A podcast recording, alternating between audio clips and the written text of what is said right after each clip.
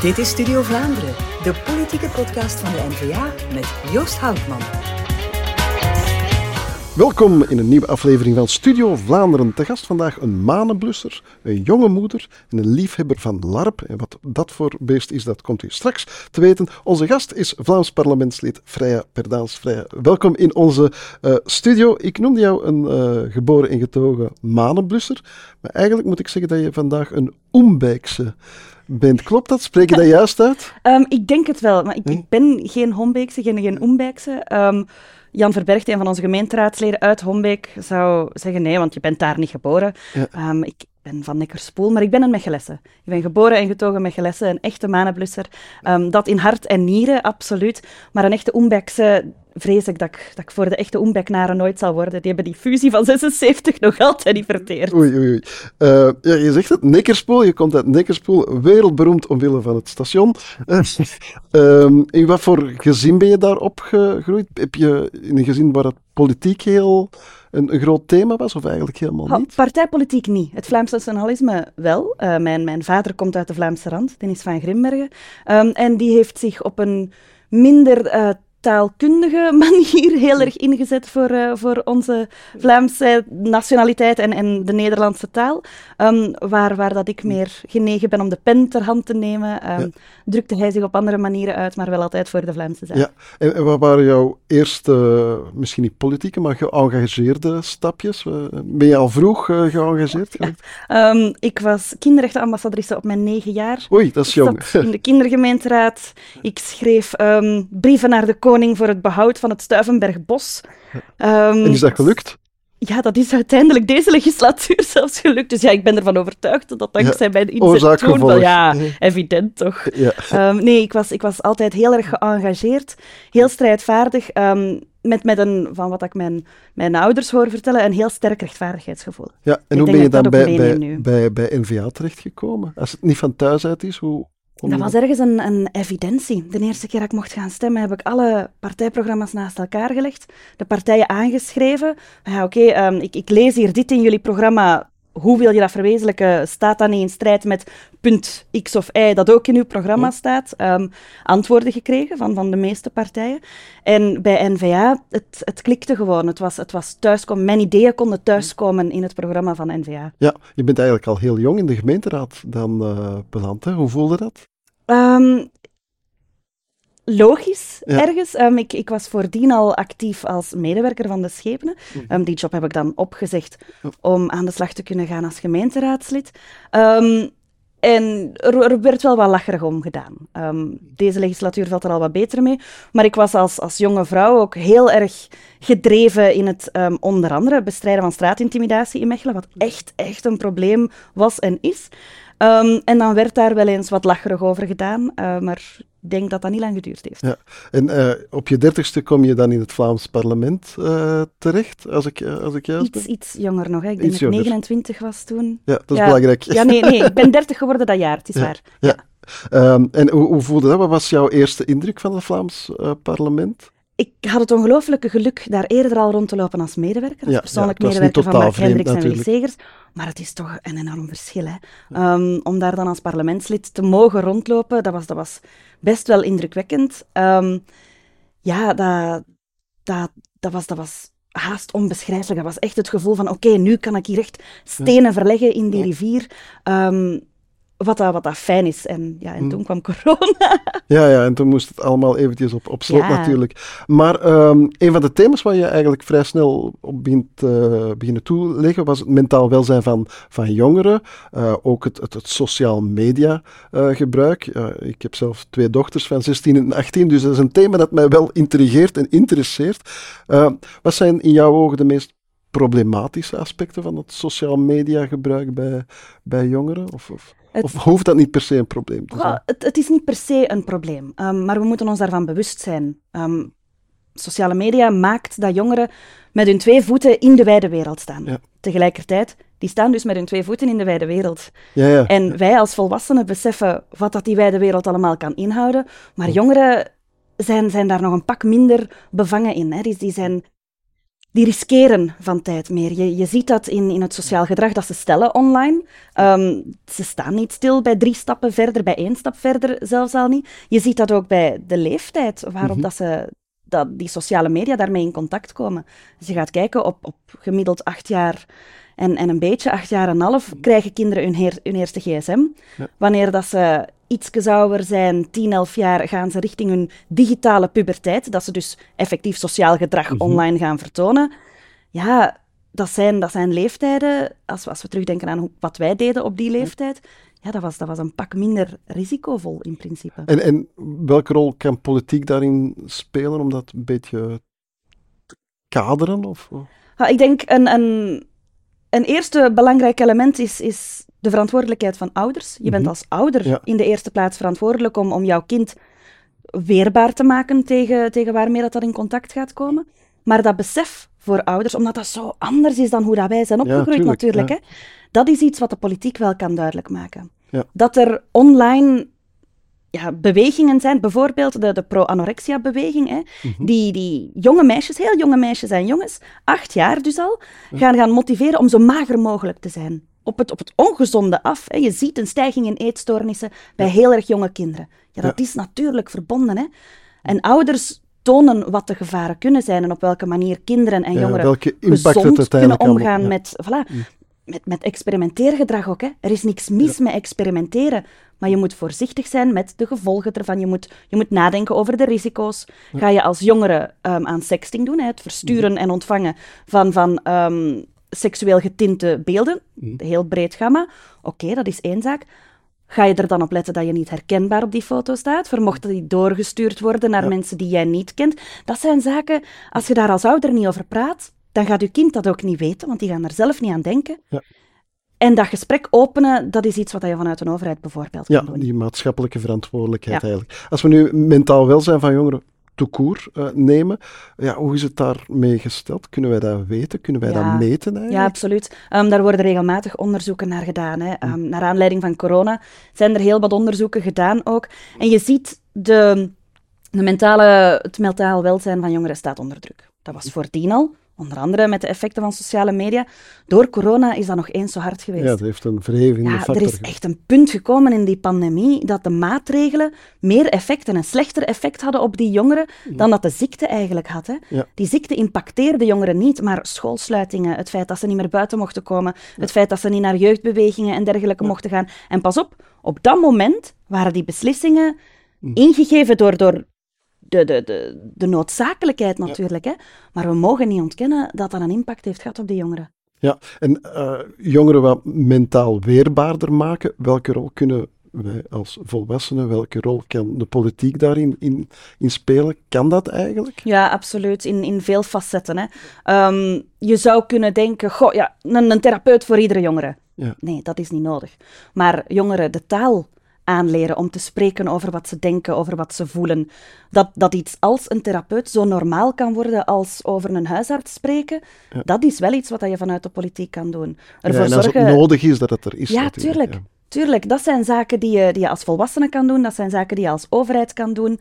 Um, binnen uw onderwijs natuurlijk die focus op, op kennisvergaring, maar ook daar zit ongelooflijk veel in. Hè? Want kennisvergaren leert u ook een, een, perspectief te geven, verder te kijken dan uw eigen tegeltje, te kijken naar oké, en, en hoe ziet het er voor de rest uit? Inschatten, oké, wat gebeurt er in de wereld? Heeft dit impact op mij? Um, wat betekent dit allemaal? Dat is allemaal deel van, van hoe wij jongeren en kinderen helpen vormen natuurlijk. Hè? En, en, en daar is ook een belangrijke aan, dat is een belangrijke taak voor, uh, voor de politiek wegblijven van, van die angstcultus. Hè. Oh, je moet bang zijn, want die partij gaat, gaat aan de macht komen. Dan moet je bang zijn. De wereld is gedaan, want... Nee, nee spreek, spreek vanuit mogelijkheden, hè. spreek vanuit kansen. We zijn, we zijn ongelooflijk sterk Weg van negativisme en doemdenken. Ja, ja allee, wees realistisch. Ja. ja. er is oorlog. Ver, veraf, dichtbij, dat is, dat is grellig. Dat is, hm. dat is iets om effectief bezorgd om te zijn. Is dat per se het einde van de wereld? Nee. Er zijn mogelijkheden en, en help kinderen en jongeren ook om dat te zien. Maar wanneer dat je de retoriek van sommige mensen hoort, dan ja, kunnen we beter ons boeltje pakken, alles verkopen en gewoon aanvaarden dat de wereld om zeep ja, is. geloof in de toekomst eigenlijk. Tuurlijk. Ehm, nu, als we het mentaal welzijn van, van jongeren in, in zijn meest donkere vorm uh, bekijken, dan komen we uit bij, bij een vreselijk onderwerp, seksueel misbruik. Uh, als je zo'n reeks als, als God vergeten bekijkt, ja, ja, dan zie je pas, zelfs los van het fysieke aspect, wat voor een, ja, ik zou het een mentale slagpartij uh, noemen, wat zo uh, seksueel misbruik is. Heb jij die reeks uh, gezien? Hoe kwam die bij jou binnen? Ik, ik denk, zoals bij heel veel mensen, hè, die, heeft, uh, die, die heeft flarden gereden tot in het diepste van mijn zijn. Um, mm -hmm. Je ziet daar volwassen mensen mm. um, in, in een ongelooflijk lijden. Um, die, hun, die hun leven is zijn ontnomen zonder dat hun leven eff effectief beëindigd is. En eigenlijk is dat misschien zelfs nog erger. Ja, ze moeten verder natuurlijk. Dat, dat is, het, is, het is hallucinant. Ja. Um, hoe dat, dat bij mij binnenkwam... Het is, het is grillig, hè, want je ziet mensen zitten die gemakkelijk dubbel mijn leeftijd hebben. En toch was het enige wat dat ik kon denken, wat ik, wat ik diep in mij voel, van ik wil die mensen geborgenheid tonen. Ik wil tonen dat ze ergens wel veilig kunnen zijn. Ja. Want als er iets is wat, dat je, wat dat je ziet in al die mensen die hebben een leven moeten doormaken waarin dat ze nooit konden vertrekken vanuit een punt van veiligheid. Ja. Nooit meer. Dat is hun afgenomen als ze heel jong waren en die krijgen dat niet meer terug. Nee. En dat is zo ongelooflijk schandalig. Ja, vandaag ben je uh, ondervoorzitter van de bijzondere commissie uh, rond seksueel misbruik in, in de kerk. Ja, wat, wat, wat doet zo'n bijzondere commissie eigenlijk? Of, of welke macht heeft die? Welke macht? Ja. Um, het, is, het is anders dan een parlementaire onderzoekscommissie in die zin dat wij geen mensen kunnen vorderen om te ja. horen. Wij kunnen mensen uitnodigen ja. en wij kunnen trachten op die manier het werk te doen. Um, maar dat heeft niet hetzelfde gewicht als bijvoorbeeld een, een, parlementaire onderzoekscommissie, zoals bij veiligheid in de kinderopvang, die gelijk stond aan een onderzoeksrechter. Ja. Eh, kort, kort gesteld. De bijzondere commissie kan daarentegen um, veel onderzoek verrichten, mensen effectief gaan horen op uitnodiging en trachten een, een instrument af te leveren aan de regering, bij wijze van resolutie dan, om beleid mee te gaan sturen. Ja. Um, we gaan dat in eerste instantie doen ja, op, op, door naar de slachtoffers te luisteren, door Ja. hen te horen, hen zelf um, via slachtofferorganisaties, dergelijke meer, om te weten te komen, oké, wat, Ja. wat hebben jullie nodig? Wat kunnen wij doen voor slachtoffers van, van gisteren, van vandaag en van morgen? Hè? Ja. Want dat is mogelijk nog de belangrijkste taak van Ja, die bijzondere het commissie. v- in het vervolg Het, het misbruik in God vergeten is misschien jaren geleden gebeurd, maar laat ons elkaar niet Liesbeth noemen. Misbruik is vandaag nog steeds een gigantisch probleem. Hè? Ja. En het zijn dan misschien niet de priesters meer. En dat is ook de reden waarom dat in het Vlaams parlement de bijzondere, on- bijzondere commissie verder gaat dan alleen de kerk. Hè? Ja. We gaan kijken naar alles wat jeugdwerk is, naar jeugdinstellingen, naar internaten, naar welzijnsinstellingen, naar, naar het bredere jeugdwerk ook. Hè? Ja, wanneer ga je als, als ondervoorzitter tevreden zijn, als het al kan met zo'n onderwerp? Ik, ehm, ik denk dat dat. Het is, het is misschien inderdaad niet tevreden, maar wanneer gaat onze taak als leden van die commissie geslaagd zijn? Als we een instrument kunnen afleveren aan de regering om beleid mee te gaan sturen. Ja. Om beleid te sturen ehm, richting het erkennen van de slachtoffers. Ja. Richting het voorkomen van slachtoffers in de toekomst. Want pas op, dat is mogelijk nog de belangrijkste taak. Hè? Ervoor zorgen dat, dat daders voorkomen worden. Het ene dader maakt meerdere slachtoffers in de meeste gevallen. Oké, die, die daderbegeleiding gaat Hm. essentieel zijn. Ja. Dat is iets waarvan dat we zien, in het verleden is daar weinig op ingezet. Hm. Ook omdat de geesten moesten rijpen natuurlijk. Ja. Hè? Die benadering is ganz anders nu. Maar dat gaat maken dat we het naar de toekomst toe de situatie veiliger kunnen maken. En dat is echt, echt een van de grootste doelen. Ja, ehm, wie welzijn een zacht thema noemt, die, die is soms toch wel mis, vind ik. Hè? Het is soms echt ook wel een hard thema. Het, het, het wordt gezegd hè, dat welzijn een zacht thema is. Ja. maar wanneer dat je dan kijkt naar thema's die ik bijvoorbeeld opvolg, dat is ja, kindermishandeling, kindermisbruik, suïcide, mentaal welzijn, online agressie, grensoverschrijdend gedrag. Ik zou ze eerder ehm, kwetsbare of fragiele thema's noemen dan, dan zacht. Ja. Want, allee, er, is, er is niks zacht aan, eh, aan die dossiers aan eigenlijk. Hè. Die zijn Nee. heel rauw. ja, heel dat is misschien, misschien wel het meest... Ja, eh, en je moet daar met enige zachtheid mee omgaan. Ja. Dat absoluut wel. Mhm. Eh, want het gaat in veel gevallen over, over heel kwetsbare situaties, hè, kwetsbare mensen. Ja, je bent zelf moeder hè, van eh, een zoontje, denk ik. Twee zoontjes. Twee zoontjes. Ja. Eh, eh, kijk je nu anders naar de politiek omdat je moeder bent? Heeft, be- heeft jou dat beïnvloed? Ik heb, ik heb voordien altijd gezegd dat ik dat niet zou doen. Dat ik iedereen wil vertegenwoordigen. Ja. Maar dat was een illusie. Ehm, het, het komt zoveel dichterbij. Mhm. Op het moment dat we de onderzoekscommissie kinderopvang deden, veiligheid in de kinderopvang, en naar aanleiding van het overlijden van een aantal babytjes en, en de kwetsuren die ze opliepen in kinderopvangverblijven, op dat moment was ik net zwanger. Ja. Nog voordat iemand dat wel wist. gevoeliger natuurlijk. Dat was al helemaal... ehm, Mm.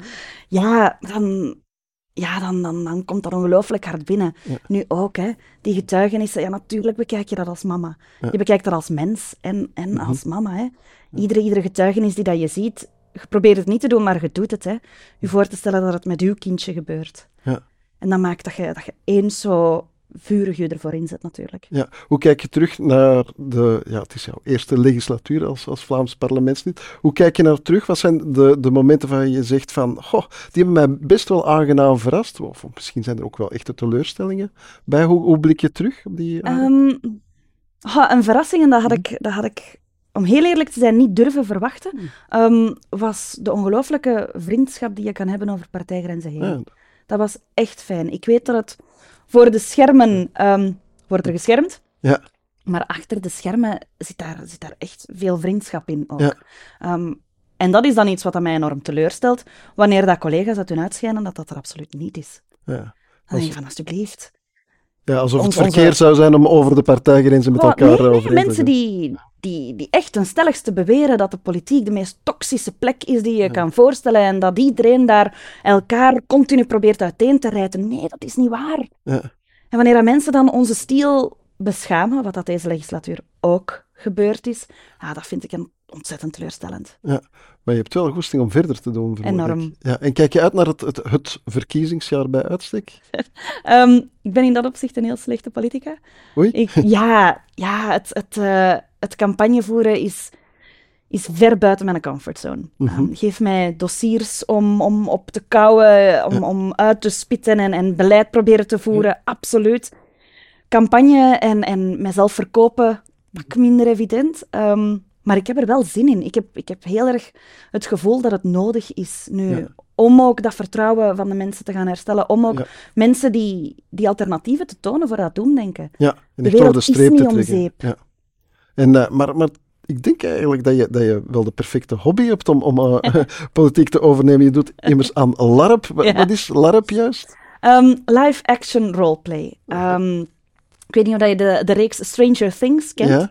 maar die gasten zitten aan een tafel en spelen Dungeons and Dragons. Dat is Mhm. een bordspel, eigenlijk geen bordspel. Je speelt aan een tafel en je bent een personage. Mhm. LARP is dat een stapje verder trekken en je bent effectief het personage. Ehm, de, de, de setting is gebaseerd op fictieve werelden. Denk aan Tolkien, denk, denk aan H.P. Lovecraft, eh, Terry Pratchett. Die die verhalen zowat daarop geïnspireerd. En je zet een personage neer. Jij kiest zelf hoe dat personage eruit ziet en wat de, de, de kenmerken daarvan zijn. En een spelleiding stuurt eigenlijk probleemsituaties op je af. En jij moet je daar doorheen zien te boksen. Ehm, heel erg tof om te doen. Een beetje, ehm, beetje zo, zoals, zoals toneelspelen, maar dan zonder een script. Ja, wie is dan eigenlijk de beste acteur of actrice in, in, in, de, in het Vlaams parlement? Mm. Er zijn er wel wat, hè. Er zijn er heel wat die, die bijvoorbeeld ongelooflijk goed kunnen doen, alsof dat ze heel druk bezig zijn. dat is echt indrukwekkend, dat moet je kunnen. Ehm, tegelijkertijd zijn er anderen die, die ten allen tijde, in eender welke crisis, de rust kunnen bewaren en kunnen uitstralen alsof dat alles perfect onder controle is, ook al hebben ze zelf geen idee wat de oplossing is. En ook dat is toch geweldig toneelspel. Ik vind, ik vind dat heel Ja. fijn om te zien. Oké, ja, ik, ik wens jou een, een, een rol als campagnebeest dan, Mm. eh, dan toe in 2024. Vrije Perdaals, hartelijk dank om ons door die verschillende onderwerpen eventjes eh geloodst te hebben. En ik dank ook u, beste kijker, op naar een volgende aflevering van Studio Vlaanderen.